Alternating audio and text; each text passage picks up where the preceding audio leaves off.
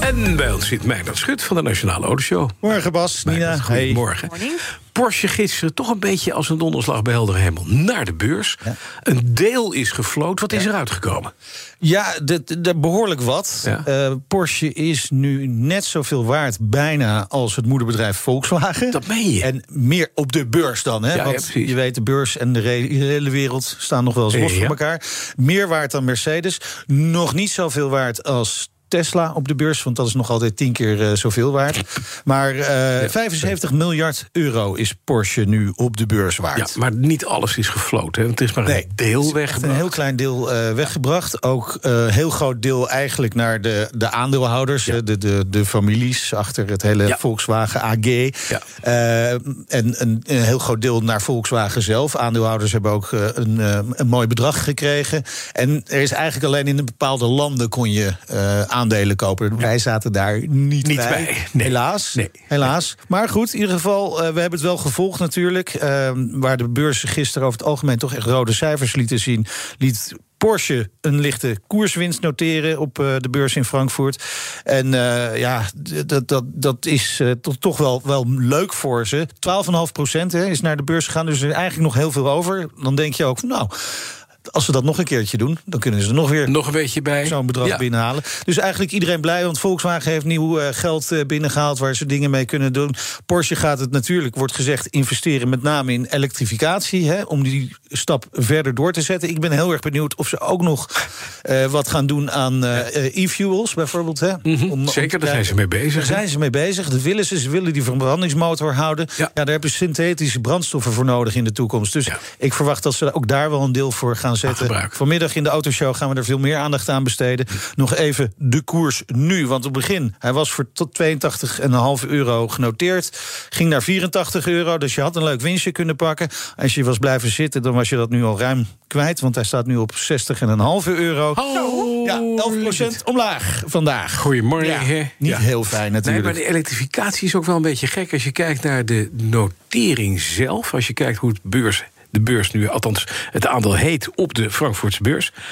P911. Juist, dat is de grootste gasguzzler van het concern. Ja. Citroën komt met een nieuw conceptmodel. Ja, Citroën heeft gisteren in Parijs het doek getrokken van een nieuwe conceptcar, de Citroën Olie. Olie. De olie, ja, eh, met zonder E. Dan. Olie. Olie. Olie. Olie. Ja, maar goed, ik vind Ja, het leuk om olie te Ik zeggen. snap het. Waarom? Omdat het eh, gewoon een volledig elektrische auto is. Maar loopt op olie. Ja, en het is dus een variant van, variant van al, olie. Begrijp je? Olie. Nee. All electric. Oh, oh, oh. Olie. Ja, het is echt een beetje gek zoeken. uitleggen. Het is, het is heel moeilijk. Het is, we hebben er lang voor in de kroeg gehangen. En we hebben er zijn, erachter gekomen dat dit niet voor iedereen te begrijpen is. Nee. Dus gaan we het uitleggen. Precies. Een beetje gekke auto, dus Ja, een beetje gekke naam. Ook echt een gekke auto. Hij is heel hoekig ontworpen. Mhm. Ehm, dat is natuurlijk niet per se gunstig voor een eh, EV, hè, de actieradius. Eh, helemaal gekkigheid is de vooruit. Die staat namelijk recht overeind. Gewoon lekker. platte ramen. Zelfs hier in de studio staan ze nog een klein beetje scheef. Maar eh, gewoon bam, platte raam. Eh, volgens Citroën kan dat prima met de olie. Want eh, mensen die deze auto gaan rijden... die zijn al heel klimaatbewust... en zullen dus nooit te hard gaan rijden. Ze hebben ook een ingenieus windsysteem bedacht... waardoor de wind aan de voorkant wordt opgevangen... en vlak voor de vooruit weer naar buiten komt... waardoor een soort windscherm ontstaat... die de andere wind... Nou ja, laat maar. Waardoor je adem beter ruikt Ja, en je nooit meer Precies. Hij, bent. doet een beetje denken aan eh, de Franse interpretatie van de Humvee. Ja. Eh, hij is dan wel weer heel erg licht. De olie weegt ongeveer 1000 kilo. En dat is best wel knap voor een auto op accu's, hè, natuurlijk. Want je neemt Ja. zo maar een gewicht van, ja, hoeveel zal het zijn? 400 kilo, kilo. misschien wel meer. Precies. eh, mee. Carrosserie is gemaakt van glasvezel gevuld met gerecycled golfkarton. Ik hoop dat het wel een beetje waterdicht is. Hij heeft een top van 110 km per uur, actieradius van 400. Ik wil hem dus googelen en dan krijg ik als eerste citroenolie. Hoe maak je citroenolie? Ja, citroenolie, dat kan. Ja. Zeg dan even heel slecht nieuws voor al die arme voetballers... die in de Europese competitie spelen... en die nog steeds zoeken naar een auto. De Lamborghini Urus, die kunnen ze niet meer kopen... Ja. in knalgeel of Ja. lichtblauw of mintgroen. Ja, ja, ze stoppen met de verkoop van de Urus. Want? Ja, de, de normale Urus dan. Oh. Ja. De SUV is alleen nog maar te bestellen als Performante of eh, S-versie. De Oh, nieuwe. S vervangt het standaardmodel. Ja. Dus de S waar je van je zou zeggen is sport, dat wordt eigenlijk standaard. Eh, krijgt net als de Performante 666 pk, 850 newtonmeter koppel. Eh, de normale Urus moesten het doen met 650 pk. Ja, daar heb je natuurlijk niks aan als een beetje voetballer. Trapauto. Gaat van 0 tot 100 in 3,5 seconden. Nou, de normale Urus deed dat in 3,6 seconden. Ja, kun je niet meer mee ook. thuiskomen. Nee, dat kan je niet meer niet verschrikkelijk. Nee, Nee. Dan laat Maserati een speciale Nou. circuitauto zien. Ja, de Project eh 24 Ja.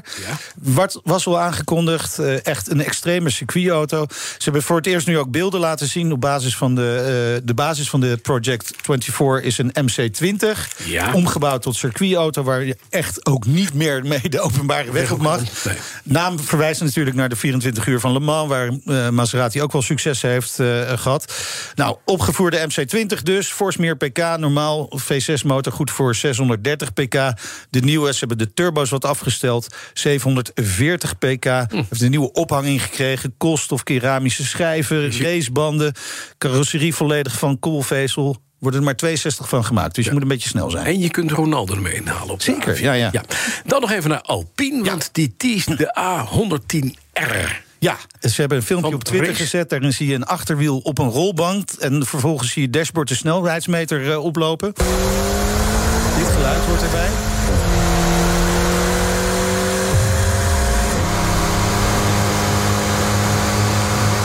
Klinkt. Wat zeg je?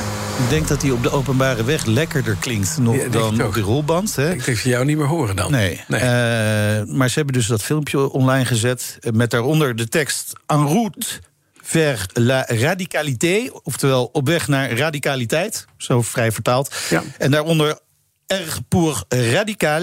Eh, nou ja, dan verwacht je natuurlijk ook wel een eh, behoorlijke topsnelheid. ja, ja. Die is ook wel behoorlijk. Dat zie je in het filmpje 285 km per uur. Zo. Verder weten we nog niet zoveel. Hij wordt op 4 oktober onthuld. Ja. Dag na mijn verjaardag. Werelddieren.